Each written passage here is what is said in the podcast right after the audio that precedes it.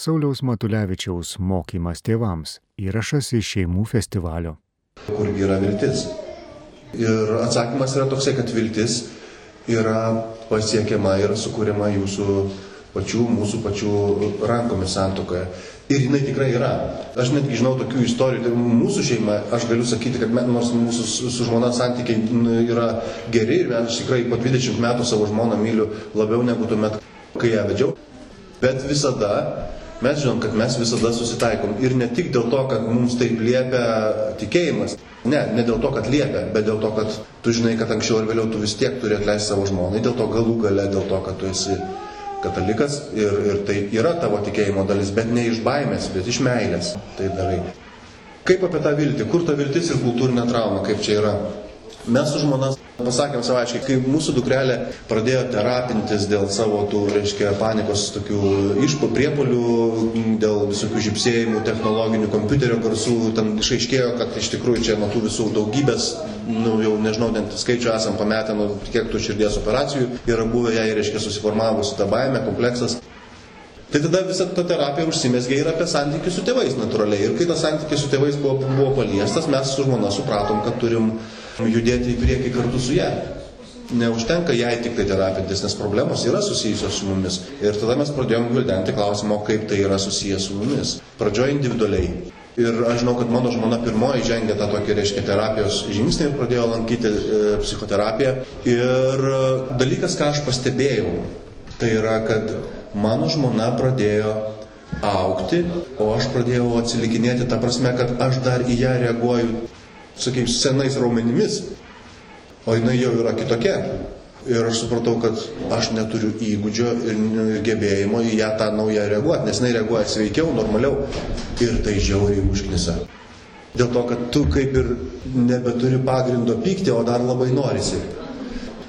Ir aš irgi pradėjau savo psichoterapiją ir galiausiai manau, kad viltis yra tame, kad mes abu su žmona susėdome kad ir kas bebūtų, kad ir kiek tai mums bekainuotų, nes, nes iš tikrųjų terapinti tris žmonės šeimoje yra brangu. Tai mes abu pasakėm, kad ir kiek mums tai bekainuotų, mes iš tiesų tęsim šitą reikalą dėl to, kad tai tampa mūsų šeimos projektas. Mūsų tėvai nu, nesugebėjo sukurti to, kame mes norėtumėm gyventi, tai mes sakom, tai mes dabar turime eiti per terapiją tam, kad bent mūsų vaikai turėtų gyvenimą. Ir, ir žinot, tai ne tik iš tikrųjų ir psichoterapija ne tik tai atkniso visas, reiškia, tos kultūrinės traumos, nu, reiškia, nuosėdas, bet iš tikrųjų visus asmenybinius dalykus. Ir, ir įdomiausia tai, kad kai mus ištiko ta tokia va, tipiška terapija pradėjusių žmonių santokinė krizė, nu, tai jinai saliginai tipiška dėl to, kad kai tu pradedi ten judinti makaronus, tai tada, nu, nu, tu išjudini dalykus, su kuriais jau buvai susigulėjęs, prisiglūdinęs ir išmokęs apie tai nekalbėti ir vengti. Žinot, kaip yra. Nu, yra dalykų, apie kuriuos mes išmokstam nekalbėti dėl šventos ramybės. Tai kitos dalykus išjudini iš naujo, supranti, kad ir vėl reikia glūdinti ir vienu metu kelis dalykus ir yra labai sudėtinga ir psichoterapija tą padėjo. Mes pradėjom vienas kitas siūsti į psichoterapiją, eik tu į psichoterapiją. Čia jokai jokais, bet mes susitarėm, kad mes, reiškia, dėl tam tikrų dalykų, kai susikumuliuoja pyktis, mes einam pykti į psichoterapiją. Psichoterapijoje legalu keiktis ant žmonos, pykti ją ir, ir, ir, žinokit, tai buvo super. Ir mes supratom, kad tą, tą šitą n, projektą reikia mums laikyti iki galo. Tai mes, mes pasidarėm tai mūsų šeimos kaip ir uždavinių pagrindinių vardan vienas kito ir vardan vaikų. Ir tai padėjo netgi iš tikrųjų tuomet, kai tie du žmonės, kurie pradėjo terapiją, jie pasikeitė ir tai, tai buvo jau nebe tie du žmonės, kurie susitokė. Ir dėl ko mes susitokėme, mes suprantam, kad mes atradom vienas kitą ir dėl savo šeimos traumų. Kiekvienas atėjom su savo makaronais ir, ne, ir paprastai taip yra. Čia yra tokia klasika mokslinė, kad e, žmonės susiranda savo antrą pusę labai dažnai. Jeigu jie ateina iš probleminės šeimos, tai labai dažnai susiranda pagal savo, reiškia, santykio su autoritetu tipų šeimoje. Dėl ko? Dėl to, kad iš tiesų, kad ir koks blogas tas autoritetas būtų, tu žinai, kaip su juo gyventi. Jeigu kalbėti daugiau apie autoriteto kompleksą, kaip iš tikrųjų kaip mes tos autoritetus perimam iš šeimos ir kaip juos paskui suprojektuojam į, į santoką. Tai, tai terapijos tikslas yra tos autoriteto kompleksus ir netikusius autoriteto įvaizdžius atkoduoti, išlaisvinti ir pamilti tą žmogų naujai, be savo projekcijų. Vyrų projekcija į savo žmoną pagal savo mamą, e, moterų ten irgi. Ir įdomu tai, kad iš tiesų čia reikėjo, nors aš visą laiką atrodžiau, laikiau save savarankiškų vyrų ir aš gana, nu tikrai išvažiavęs studijuoti, nu, atsirišau nuo savo šeimos labai sėkmingai, Bet pasirodo kažkokie tai tokie vat, nusąsajos provai. Nu, vis tiek ta mama visą laiką auklė ir, ir, ir myli savo sūnų, žinot, labiau negu bet ką. Jo ir čia yra reikalų. Iš tikrųjų, vienas iš vyriškumo brandos dalykų yra paleisti mamą. Ir ne tik paleisti, ne, ne, ne tik paleisti, bet mamą užbriežti ribas. Kad nepyk, bet dabar pirma moteris mano gyvenime yra mano žmona. Ir man atrodo, kad aš tą visą laiką labai gerai užbrėžiau, bet mikro lygmenyje mamoms tu ir pasirodo, ir kai kalbi su, su šeimomis, ypatingai kai kalbi su žmonomis, reiškia, apie jų vyrus, šitą temą, tai jos visi sako, jėtus tu. Nes viena iš pagrindinių įtampų su uošvenių problema yra, kad iš tikrųjų nuolatinė konkurencija nu, dėl vyro. Dėl savo vyro ir dėl sunaus. Nes kasgi gali mylėti tą mano sūnų geriau negu aš.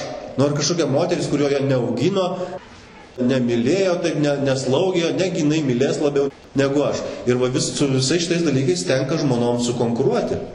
Tai yra, dirbo terapija buvo vienas iš tokių brandos momentų. E, mamoms paprastai tas labai nepatinka, ypatingai jeigu mamos yra auginas sūnus nepilnose šeimose. Tai iš tikrųjų tas sūnus tampa ir sūnus, ir vyras. Pakaitalas yra ir čia didelis. Tada, kai tie vyrai kuria šeimas, jiems reikia ypatingų pastangų iš tikrųjų tas tom mamom ribas užbriežti kad jų santaka būtų laiminga. Nu, kitaip sakant, terapija e, atkoduoja visus šitos dalykus ir padeda suprasti vienas kitą. Dar vienas dalykas, ką mes atradom santokoje, iš tikrųjų, kadangi mes, mes nuo pat pradžių buvom labai, nu, labai susiję vienas su kitu, labai laikėmės vienas kito, iš tikrųjų ten jau galėjom dantin nagais vienas už kitą eiti. Ir tai yra gerai ir blogai. Dėl to, kad kai ateina laikas duoti vienas kitam erdvės, tu neduodi. Ir įdomiausia tai, kad kai vyko ta tokia, tas pokytis, tas antokinė krizė terapijos e, eigoje, kada mūsų asmenys keitėsi ir augo, mes paleidom vienas kitą, ta prasme, kad, kad mes suteikėm vienas kitam erdvės aukti asmeniškai, nes labai svarbu santokoje neprarasti savęs. Kas atrodo, kad ne, aš dovanosiu save iki galo, ir mylėsiu savo žmoną labiau už save patį ir, ir taip toliau, bet taip nesigauna. Dėl to, kad jeigu tu nemyli savęs, tu, ne, tu tada nu, tu negalėsi pajėgti mylėti kito.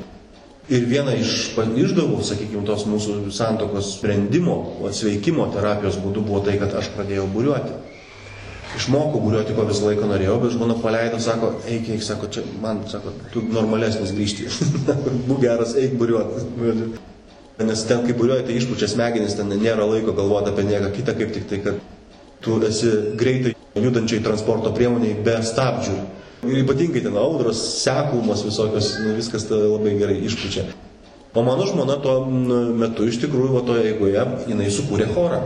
Subūrė chorą ir dabar vadovauja chorui. Ir čia yra žmonių netgi, kurie priejo prie manęs, sako, aš esu tavo žmonos chorė. Tai va, tai iš tikrųjų pasirodo yra geras dalykas. Čia aš dalinuos tokia asmeninė savo patirtimi tam, kad, kad iš tikrųjų praskleisti tą uždangą ir pasidalinti savo sėkmėmis ir nesėkmėmis. Ką dar noriu pasakyti iš tikrųjų katalikiškai auditorijai, labai svarbu tą išgirsti. Paprastai, kai asmuo yra, nėra iki galo užaugęs psichologiškai, nekalbu ten amžiaus prasme, patirties prasme, bet kaip psichologija, o mes visi nesame iki galo, nu, mes visi esame Kai kurie esam labiau pastrikę kažkokiuose etapuose, kai kurie mažiau, bet visi turim kažkokiu tai tokiu, nu, reiškia, neišbaigtumų. Čia yra tokia nu, natūrali egzistencinė būklė. Tai paprastai tuos neišbaigtumus mes esam linkę užkaišyti dievų. Ir tada atrodo, kad tikėti iš principo nėra sudėtinga, dėl to, kad intuityviai gaunasi. Tikėjimas gaunasi kažkaip tai labai taip, nu, čia kaip, kaip tik kalbėjo prieš tai sesė, kad tikėjimas kaip emocija gaunasi, nes tame yra tikrai daug emocijos. Tikėjime tikrai yra daug emocijos ir tai yra ir tas turinys prasminis, jisai stimuliuoja emocijas. Bet iš tiesų, koks mano buvo atradimas terapijos eigoje, buvo tai, kad sveikstant mano asmeniui, ten, kur aš anksčiau tas dalis užkaišydavau Dievui, man pradėjo pakakti savęs paties. Ir tada supranti, kad tikėjimas yra tikras valios aktas. Nes iki tol nesupranti, koks valios aktas yra tikėjimas. Nes atrodo, kad, nu, čia tu aišku, čia mes laisva valia, mes čia Dievą tai pasirenkam. Ir tada supranti, kodėl šventieji miršta, tie šventieji, kuriuos mes laikom šventaisiais, mirdavo drebėdami iš pragaro baimės ir galvodami, nu žinai, prieš mirtį vis tiek žinai. Bet ne, bet tada supranti, kad tu gali nugyventi gyvenimą, galvodamas, kad pasirinkai Dievą laisvos valios būdu ir paskui suprasti, kad ta, ta laisva valia niekada iki taip ir nebuvo išbandyta. Ir kai tau ima pakakti savęs paties tose sritise, kur tu buvai iš tikrųjų užkompensavęs ją religiją, supranti, kad rinktis tikėjimą yra, tai yra kaip sporto salėje kilnoti svorius, tu turi rinktis, rinktis sąmoningai tai daryti. Ir, ir tuo pačiu, ne, sakykime taip, ne, neperspausti dėl to, kad sporto salėje gali, perspausdamas labai žinai, kuo baigsis. Raišiai, sanariai, raumenys patemti ir, ir viso gero. Ypatingai, kai jau garantiniai pasibaigė šitam amžiui tai labai greitai pasijunta, kai perspaudi. Ir jeigu iš tikrųjų tikėjimas eina ant emocijų ir, ir tu gali lengvai jį perspausti, kas atsitinka? Šventam rašte parašyta, kas atsitinka patarlių knygoje. Nepersivalgyk medaus, kad neapsiventum. Ir tada žmonės tampa cinikais tikėjimo prasme. Ir santokoje tampa cinikais tikėjimo prasme. Ir tas tikėjimas tampa neveiksnus. Kodėl santokoje tikėjimas turi būti iš tikrųjų labai, ne tik emocijom, bet labai racionaliai pagrystas. Todėl, kad kitaip jūs tą tikėjimą sunkiai perduosit vaikams, dėl to, kad vaikai feikinės emocijas labai greitai pat pažins ir jiems bus vačiau. Ypatingai paauglystai berniukams. O kalbant apie tai, iš tikrųjų labai raginu nebijoti, kadangi čia jau sakau iš patirties, raginu nebijoti savo vaikų. Jūs, žiūrėkit, jūs augat, jūs esate katalikiškos šeimos, jūs auginat vaikus katalikiškoje aplinkoje. Kažkada normalus vaikas turėtų pradėti kvestionuoti visą tai. Jo labiau, kad galėtų, kažkada turėtų ir atsibosti visos stovyklos, mišios. Ir prisimenu, mano sunus vieną kartą važiuoja mašina ir taip nedrasiai sako, jam buvo 12 gal metų buvo, ar 11, sako, tėtis, aš ten vaikštų į bažnyčią, ten viskas gerai, bet nežinau, žinok, ar tas Dievas yra, aš ne, nežinau. Ir sakau, žinai, labai svarbu, kad tai pasakai, dėl to, kad tai, kaip tu jautiesi dabar, kaip galvoji, yra labai normalu. Yra super, yra, yra absoliučiai normalūs klausimai.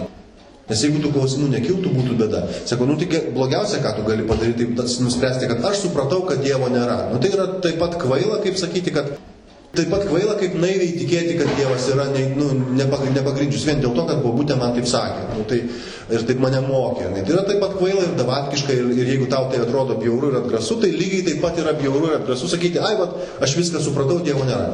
Dėl to, kad yra daug už mus protingesnių žmonių, kurie per visą savo patirtis perleidė ir supratė, kad Dievas yra, sako, kad jis yra. Tai, Tai tikslas sakau, jeigu tu netiki Dievu, tu turi gilinti savo netikėjimą gerai suprasdamas, kodėl tu juo netiki. Nes tikėjimas ir netikėjimas yra labai artimos būsenos. Mūsų visus jungia dviejonė. Ir čia yra popiežiaus Benedikto 16 mintis. Sako, mes iš tikrųjų mūsų visus jungia dviejonė. O kas jeigu jis yra? O kas jeigu jo nėra? Reiškia, ir ateistas, ir, ir tikintysis turi tą, tą patį suėties tašką. Dėl to mes tą dviejonę turim gilinti ir tyrinėti iki galo, kad tikrai būtumėm kompetentingi šito klausimu. Nedavatkiški. Nei vieno, nei kito. Ir kai aš taip sūnui pasakiau, sūnus tiesiog jisai atsipalaidavo ir nes iš tikrųjų patyrė įtampą vaikas, nes jam kontrastas su šeimos vertybėmis. Ir, ir kai aš jam tai pasakiau, jisai pradėjo, jisai persimonė ir pradėjo pasakoti, kokie durnijo draugai, klasiokai, kurie pasakojo, kad Dievo nėra, jie kažkokie nenormalūs, aš jam bandau pasakyti ten vieną. Čia toks palinkėjimas šiaip iš patirties paraginti, kad reikia labai nebijoti šito klausimo. Ir, ir palikti į ramybę, jo labiau, kad jeigu Jeigu tėtis ir mama tikrai myli aistringai vienas kitą, tikėjimas persiduoda kažkiek automatu. Beje, dar vienas toks irgi iš patirties ir atradimo, gal ne visiems čia yra aktualu, bet aš žinau, kad paprastai, žinot, kuklus tėvai dėgia ir sako, nu jokių būdų, reiškia, jokio intimumo negali būti vaiko akivaizdoje. Ir tai yra tiesa. Prasme, jeigu kalbėti ypatingai apie erotinį intimumą, tai čia negali būti kalbos. Bet pykstasi tai vaikų akivaizdoje čia viskas natūraliai gaunasi, čia spontaniškai gaunasi, čia, o turėtų būti atvirkščiai. Mes tą pyktį turėtumėm kažkaip ten irgi, vaik, aš galvoju, kad vaikai turi matyti sveiką pyktį irgi, e, tėvų, nes turi matyti, kaip tėvai pykstas ir susitaiko. Bet kas labai svarbu vaikams. Vaikams be galo yra svarbu matyti, kaip aistringai tėvai mylis vienas kitą. Aistringai. Kodėl? Todėl, kad kai jie užaugę žiūrės holivudinius filmus, jie supras, kad čia yra mėgėjų lyga. Vat mano teveliai, vat mano teveliai, tai čia dėl to, kad, nes kitaip tada vaikai užauga ir sako, nu, mano tėvai niekada iš tikrųjų aš nemačiau, kad jie ateina. O, o iš tikrųjų tas intimumas, drovus, ta prasme, tu kuklus intimumas, turi būti, nu, kasdienybė iš tikrųjų. Jie turi matyti, kaip tėvai gyvendami visą gyvenimą neužgeso jų aistra, o stiprėjo jų aistra, jinai visą laiką buvo. Ir tai suteikia vaikams labai stiprų saugumo jausmą, psichologinio saugumo jausmą. Kur yra viltis? Viltis yra tame, kad, kad jūs esate samoningi žmonės, mes esame samoningi žmonės. Labai raginu nesidrovėti, nes dar yra iš sovietmečio atėjęs tas toksai, reiškia, psichoterapija ir psichiatrija iš tikrųjų buvo tapęs represijos įrankiu. Ir mums yra perduota, kad tai yra, nu, yra tam tikras kompleksas, tu durnas. Jeigu tau reikia, tu reikia, aš tai nedurnas. Sveikas požiūris yra tai, kad taip kaip mūsų kūnui reikia vitaminų, taip reikia iš tikrųjų specialisto pagalbos ir ir derinant santykius, žmonių santykius, nes dėl to, kad ten yra mokslo, ten yra geras būdas mokslo, kad, kad iš tikrųjų suprasti, kas vyksta su žmogumi. Ir, ir čia buvo klausimas, kažkur mačiau, ar katalikams reikia psichologo. Klausimas iš vis net, netinkamai sukonstruotas. Ar katalikams reikia vitaminų? Reikia? Reikia. Psichologo reikia tiems, kam reikia. Ir čia ar tu katalikas, ar ne, visiškai tai nesusiję. Taip, tam tikras dvasinės problemas tu nėra reikalo nešti psichologui dėl to, kad psichologas neturi šitų kompetencijų tiesiog. Geras psichoterapeutas atskirs, e, kur čia yra dvasiniai dalykai, kur na, ribą nubrėž. Bet aš tai raginu iš tikrųjų e, vyrą ir žmoną e, suprasti, jau, jau aš iš vakar dienos supratau, kad jau, žinau, kad jūs supratot, kas yra per reiškinys kultūrinė trauma. Jinai yra ir individualios traumos yra, kad tai mus veikia, tai veikia mūsų vaikus, tai persideda iš kartos į kartą ir vaistas yra ir gali reikėti išorinės psichoterapeuto pagalbos. Tai čia tokia mano žinia ir, ir šita, šita žinia iš tiesų yra vilties žinia dėl to, kad mes patys esame gyvas pavyzdys to, patys mes kalbam su psichoterapeutu, sako, kad Dieve, kad tik ateitų tie lietuvaičiai, nes visiems reikia pagalbos. Mūsų potrauminiai visuomenė, jie yra pasiruošę, jie yra pasirengę, o mūsų psichoterapijos mokykla Lietuvoje yra gana aukštai stovinti, ta prasme, jinai yra gana aukštų kompetencijų. Nemarinuokim savo santykių problemų, jas kelkim, kalb, išmokim kalbėti apie tai, išmokim kalbėti apie neigiamus jausmus. Ir su psichoterapijos pagalba, asmeniškai domėdamėsi arba su specialistu pasitardami, galime išjudėti į priekį. Sustarkim taip, dabar apibendrinimą aš norėčiau jums užduoti duoti laiko iš tikrųjų ir paklausti, ir, ir ne tik manęs, bet ir vieni kitų, ir pasidalinti, ir po to dar bus truputėlį dozės geros, labai svarbios reklamos, apie kurią paaiškinsiu. Noriu skirti tam atskirą laiką, nes didelė dalis to, ką aš su jumis kalbėjau ir darau, iš tikrųjų bus perkelta į, į tokį projektą, kurį jūs matėte nauja medija pavydalu. Tai norėčiau apie jį papasakoti. Gerai, o dabar mikrofonas jums, štai čia yra, galite priimti, paimti asmeniškai arba galite prieiti, jeigu norite.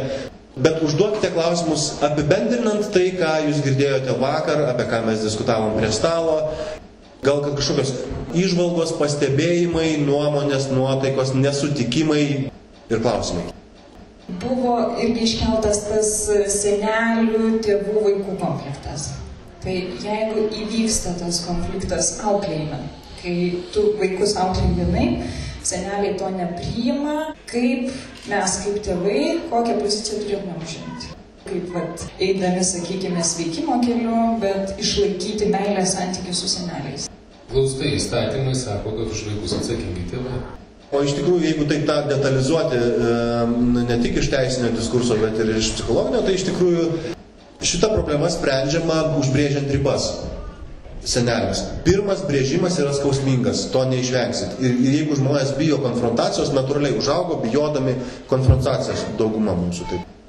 Žinot, yra toksai Big Five didžiojo penkito asmenybės testas, jis yra pats moksliškiausias iš visų esančių šiuo metu asmenybės testų, jis tai yra Jis yra parengtas pagal sudėtingą statistinę faktorinę analizę. Reiškia, tai tas Big Five modelis sako, kad yra, reiškia, yra, yra penki kriterijai, pagal kurios žmogaus savybės vertinamas. Kiekvienas iš tų kriterijų turi dar po keturis. Reiškia, ir faktorinė analizė juos visus sukoreliuoja, su, suanalizuoja. Tai šitam Big Five modelyje yra viena iš tokių žmogaus asmens savybių vadinama agreeable, nes reiškia sutarumas lietuviškai verčia. Nelabai tiksliai, bet nu agreeable, nes Tai ta skalė, kiek tu esi agreeable, kiek disagreeable. Tai reiškia, kiek tu esi linkęs būti likable, patikti kitiems žmonėms, arba kiek tau tai yra nesvarbu ir tu, esi, tu mėgsti pakonfrontuoti. Sutarumas kita poliaus yra agresija. Bet agresija čia neina kalba apie smurtą, bet Kuo labiau sudarus žmogus, tuo sunkiau tą ribą yra nubrėžti seneliams. Dėl to, kad tu esi įpratęs būti likable, kad tave mėgtų ir kad ai tik nekonfliktuokim. Tai čia yra bėda. Čia savo reikia išmokti būti nesutariu ir tą ribą užbrėžti geriausia su pasimėgavimu. Tada mažiau skauda. O tie, kas yra natūraliai mažiau sutarus, tai jiems ir taip vienodai. Jie tiesiog tą ribą brėžia dėl to, kad taip, nu taip tiesiog turi būti su visom kitom ten šalutiniais poveikiais, nu kaip nors susitvarkysim, tada pažiūrėsim, ką, su to darysim. Bet ta riba brėžiasi sunkiai su seneliais ypatingai ir gali būti su kai kuriais seneliais. Mano, mano žmonos seneliais ta riba brėžiasi, tai bet nu ją tai, nu, daugiau mažiau pakėlė. Mano mama tą ribą pakėlė žiauriai sunkiai. Tėvukas susitaikė galų gale. Bet uh, mama taip ir liko uh, tokia, reiškia, nu, tokio nušoko būsenai, tada nusprendė, kad dėl visko čia, kad taip riba, kurią aš užbridžiau, čia mano žmona man praplovė smegenis. Sakau, nu, gerai, jeigu taip, tai taip. Man yra jau virš 40 metų, jeigu tu galvoji, kad aš pats sprendimų nemoku priimti, tai tu mane blogai išauklėjai. Tai va, tai atsakymas yra prieš ribą. Nu, yra tokia teorija, kad sunkus laikai suformuoja stipri žmonės. Sunkus laikai tai turime galvoje ir, ir nepriteklius, ir karai, ir galbūt tie patys totalitariniai režimai formuoja stiprius žmonės, tada stiprus žmonės sukuria gerus laikus ir geri laikai suformuoja silpnus žmonės. Ir tada vėl ateina sunkus laikai, kadangi žmonės silpni. Ir žodžiu, toks cikliškumas tarsi vyksta.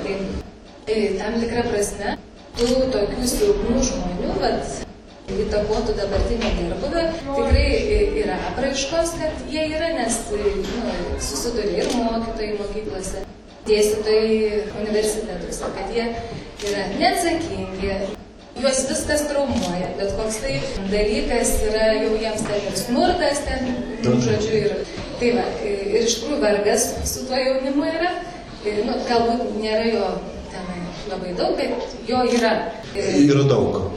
Tai, vad, mano dabar būtų klausimas, kaip tai paaiškinti, būtent iš tos kultūrinės, trauminės patirties, kaip, kaip vat, šitus dalykus, nes atrodo tarsi tie sunkus laikai, kaip ir jie turi savo gerąją pusę, nu, jie tam tikrą prasme daro žmonės, žmonės stipresnius. Tuo tarpu vat, tie gerieji laikai, nu, vat, visa tai, ką mes matom, kas vyksta vakarų pasaulyje, tokius visokie nesąmonės, išjungti dalykai prasideda žmonėms, nu, atrodo, su sveiku protu ima pyktis.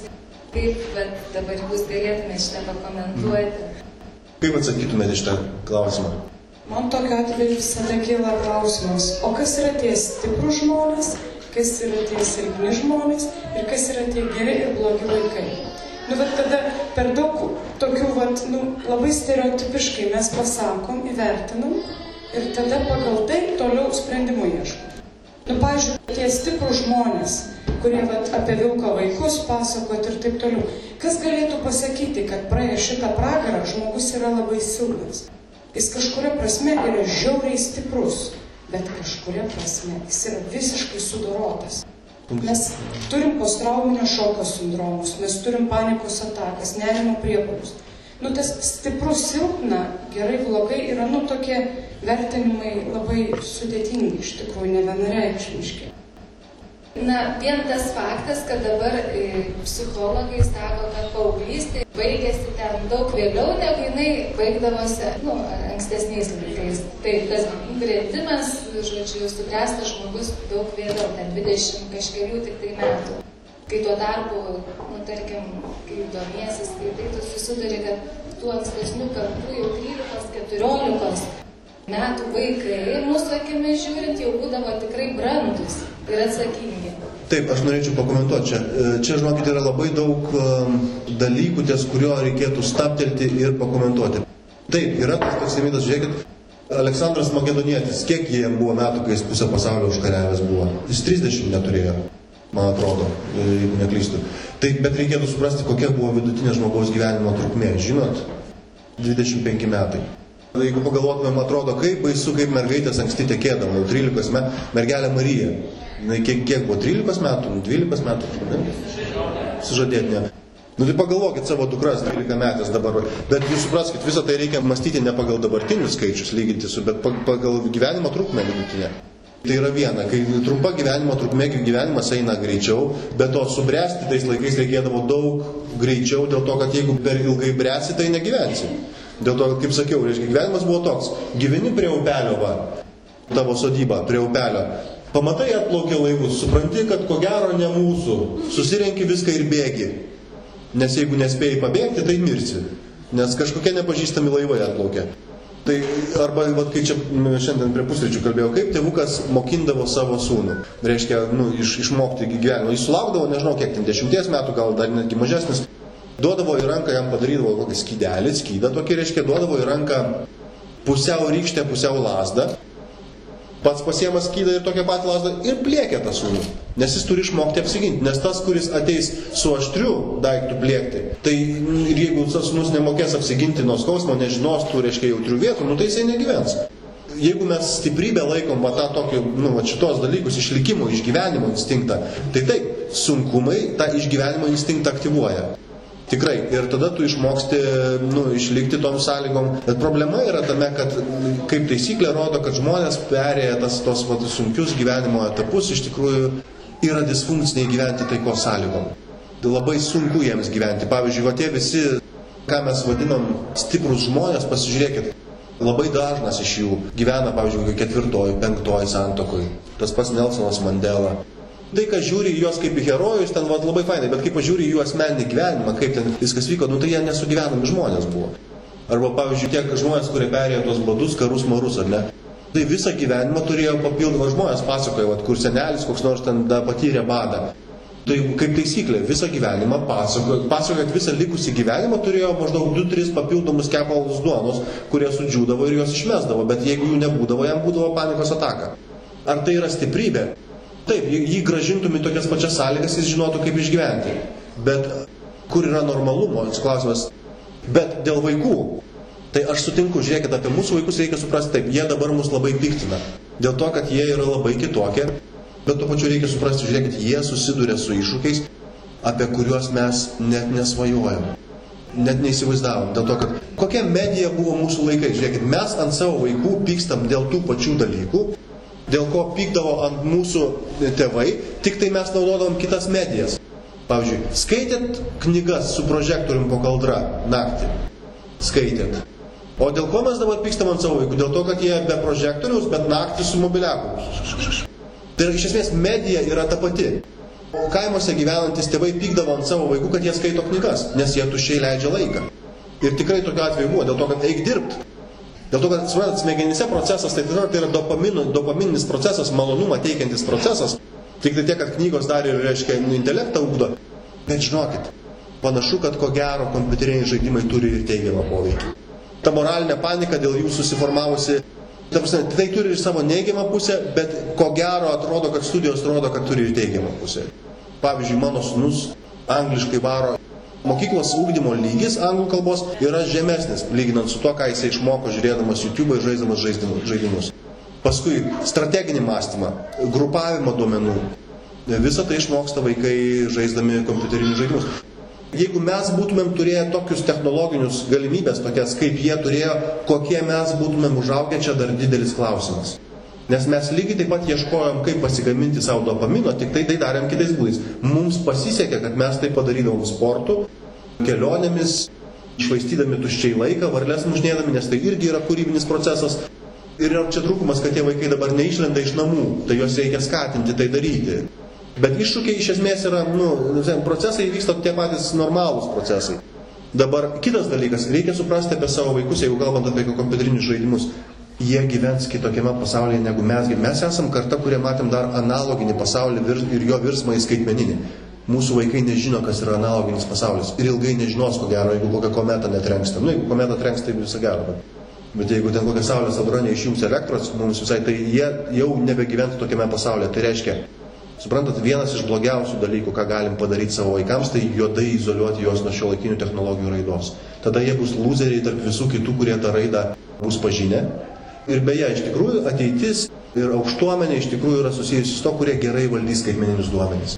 Tie bus turtingiausi, sėkmingiausi ir taip toliau. Tai čia šitoje vietoje mums reikia suprasti, kad mums reikia labai gerai žiūrėti, kurie žengia, ką jie gauna ir taip toliau. Ekonomika bus kitokia, ko gero, jeigu virusas vėl ne kažko tai ne, nepadarys. Visai kitokia, negu mes ją įsivaizdavom. Bet kitas dalykas, tai taip, aš sutinku su tuo, kad mūsų vaikai yra pertekliaus karta. Jie visko gauna daug ir per daug. Ir čia yra ne laikmečio problema. Čia yra auklėjimo problema. Ir dėl to, kad paprastai, kaip būna taip, kad e, trauminės visuomenės, reiškia, stengiasi savo vaikus auginti kitaip, negu patys gyveno. Tada duoda platesnės ribas, kurios iš tikrųjų yra gal ir per plačios, ir tada gaunasi, kad tie vaikai tose ribose ir išsiskleidžia. Dabar apie tas ribų brėžimą, čia pavyzdžiui, du tokie pavyzdžiai iš mano praktikos, bet labai skaudus. Pavyzdžiui, sunus, kuris bandė užbrėžti savo savarankiško gyvenimo ribas, jisai buvo teisminė tvarka pripažintas nepakaltinimu uždarytas gydytis tėvų iniciatyva. Tai vienas atvejis, ko baigėsi ribų braižymai.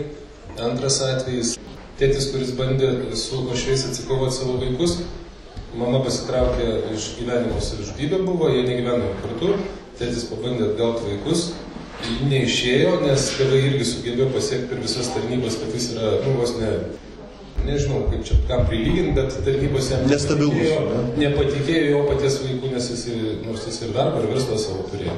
Tai dar vienas ribų braižymas ir ta tėvų iš tikrųjų tas autoritetas ir čia mes taip lengvai pasišnekėjom maždaug, kaip mes šitas ribelės perbraižom, bet iš tikrųjų gyvenime yra daug sudėtingesnių atvejų ir galbūt čia tarp mūsų šeimų yra žmogus ar žmonės, kurie kažką panašaus yra turėję ir kaip yra svarbu šitiem žmonėms, aš pats patyriau, buvau liudininkas tuo atveju ir aš patyriau, kaip tam žmogui, kuris yra tokioje situacijoje, kada iš jo tiesiog tą pieštuką paima, sako, klausyk, dabar tu esi debilas, o aš lysiu ribas. Tai kas, va tokiu atveju, kas žmogui padeda yra labai svarbu. Ir kas pas mus dabar vystosi, tai pas mus vystosi tokia bendruomeninė galbūt pagalba. Yra labai svarbu žmogui būti bendruomeniai. Mhm. Tai yra, kad mažiausiai vienas žmogus būtų šalia jo. Aišku, gerai, kai advokatas, bet dar geriau, kai nuoširdus kažkoks žmogus. Dar geriau, kai yra bendruomenė, maldos grupelė. Tai prasme, kad tokiem žmonėm reikalinga pagalba. Ir čia išeinu į kitą tada mintį, kad būtų gal gerai, kad mes diskutuotume apie tokius dalykus, ne tik apie asmeninę psichoterapiją, kas yra, na, iš principo, tu siunčiam žmonės kažkur tai, ar ne, bet bendruomeninė psichoterapija. Grupė, dalykas tai vadinama yra. grupės Jo, psichoterapija. ir mes turim visi turbūt suprasti, kad mūsų grupelės tikriausiai yra tam tikra šitos maldos grupelės, tam tikra šitos terapijos atmaina. Ir tai yra didelis paskatinimas visom grupelėm, ne tik tikėjimo prasme, bet tai kartu yra realiai gydantis dalykas.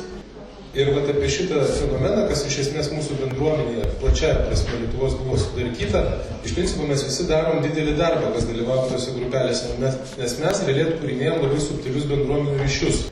Ir šitas dalykas yra žiauriai reikalingas ir jisai užpildo tikrai, negaliu čia pasakyti, kiekybiškai ir kokybiškai neprašiau negu ten individuali terapija ir panašiai, bet bent jau tos šeimos ar tie žmonės, kurie negali sauliaisti individualios terapijos, nes tai sutinku, brangus dalykas. Tai va tokia grupelė, bendruomeninė terapija yra tikrai geras dalykas. Ir su malda dar puikesnis, nes, na, kaip bebūtume mes, tikslų žmonės Dievas irgi gydo, ir nors mes nematom. Ir dar čia trumpa tokia pastaba apie paauglius, čia moteris diskutavo dėl paauglių, aš galvoju, gal vyrai irgi turi nuomonę, bet dažniau patyli. Tai aš tik tai trumpą nuomonę pasakysiu to klausimu, kad nežinau kaip su merginom, bet su vaikinais. Mes turim 21 metų sūnų vieną. Tai irgi kilo tas ribų užbrėžimo klausimas labai natūraliai, nes kai maždaug vaikinas nuo 16 pradeda bręsti, tai tas natūralus pieštukas atsiranda rankoje ir jis irgi nori tas ribas braižyti. Bet iš principo klausimas yra, nori braižyti? Tai imk pieštuką, varyk ir braižykis. Nu, ta prasme, tai labai paprastai. Tai vaikina geriausia yra pasiūsti misiją. Nusibraižyk savo gyvenimą. Nu, tada yra bendro vardiklio daugiau, daugėja negu kad kaltis, o kiek čia to pieštuko yra mano. Tai čia šiaip, iš savo praktikos, iš mūsų patirties. O Aš čia, jeigu galėčiau įsiterpti ir papildyti. Mano sūnui 13 metų dabar, tai jisai tą projektą pradėjo, kai jam buvo 12. Nu, jisai ten kaulė, duok pinigų, duok pinigų. Tai pirma, tai žiūrėkit, vienas geriausių pinigų šaltinių yra visa tara plastikinė, kuri yra priduodama. Tegu jie sukolekcionuoja ir pridavinėja. Puikiai veikia. Antras dalykas, tai jam, jam vis tiek tų pinigų nepakako. Sakau, žiūrėk, nu mes turim tiek, kiek turim. Aš tau negaliu duoti, nu, taps, negaliu tau dalinti tai mėtis pinigais. Tai jisai nuėjo, mes gyvenam balsiuose, jisai nuėjo, pas, jam nedrasu buvo, susirado kažkokį draugelį, vaikščiojo per namus ir klausė, gal ko mums reikia padėti, mes tik paskui sužinojom. Ir susirado kažkokią pagyvenusią porą, kurie jau antri metai tvarko sklypą. Sakau, tai klausyk, tai, tai gal tu ir čia pas mus turi, sakau, ha, kiek mokėsi. Bet prašau, jisai užsidirba, turi planą, turi, reiškia, finansinį tokį, kam jisai taupo ir kodėl tos ribos turi būti. Yra studijos padarytos kad apie vaikus pedagoginės, reiškia, tyrimai rimti, kurie rodo, kad jeigu tėvai vaikams neužbrėžia skalės tokios ribotos, iš ko jie gali rinktis, nenukreipia, tai vaikai yra nelaimingesni ir pasirinkimai prastesni. Žinot kodėl?